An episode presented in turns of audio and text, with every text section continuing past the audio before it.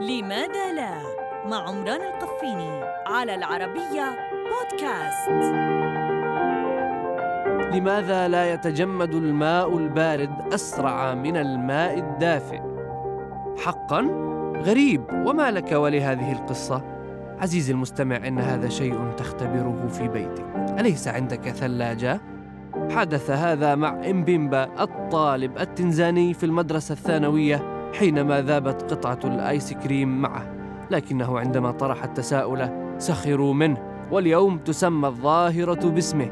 كان ذلك عام 63 مع أن هذه الظاهرة لا تزال محل جدل إلا أن هناك تفسيرات تقريبية ملخصها أن الروابط بين الذرات في الماء تتباعد في حال تسخينه.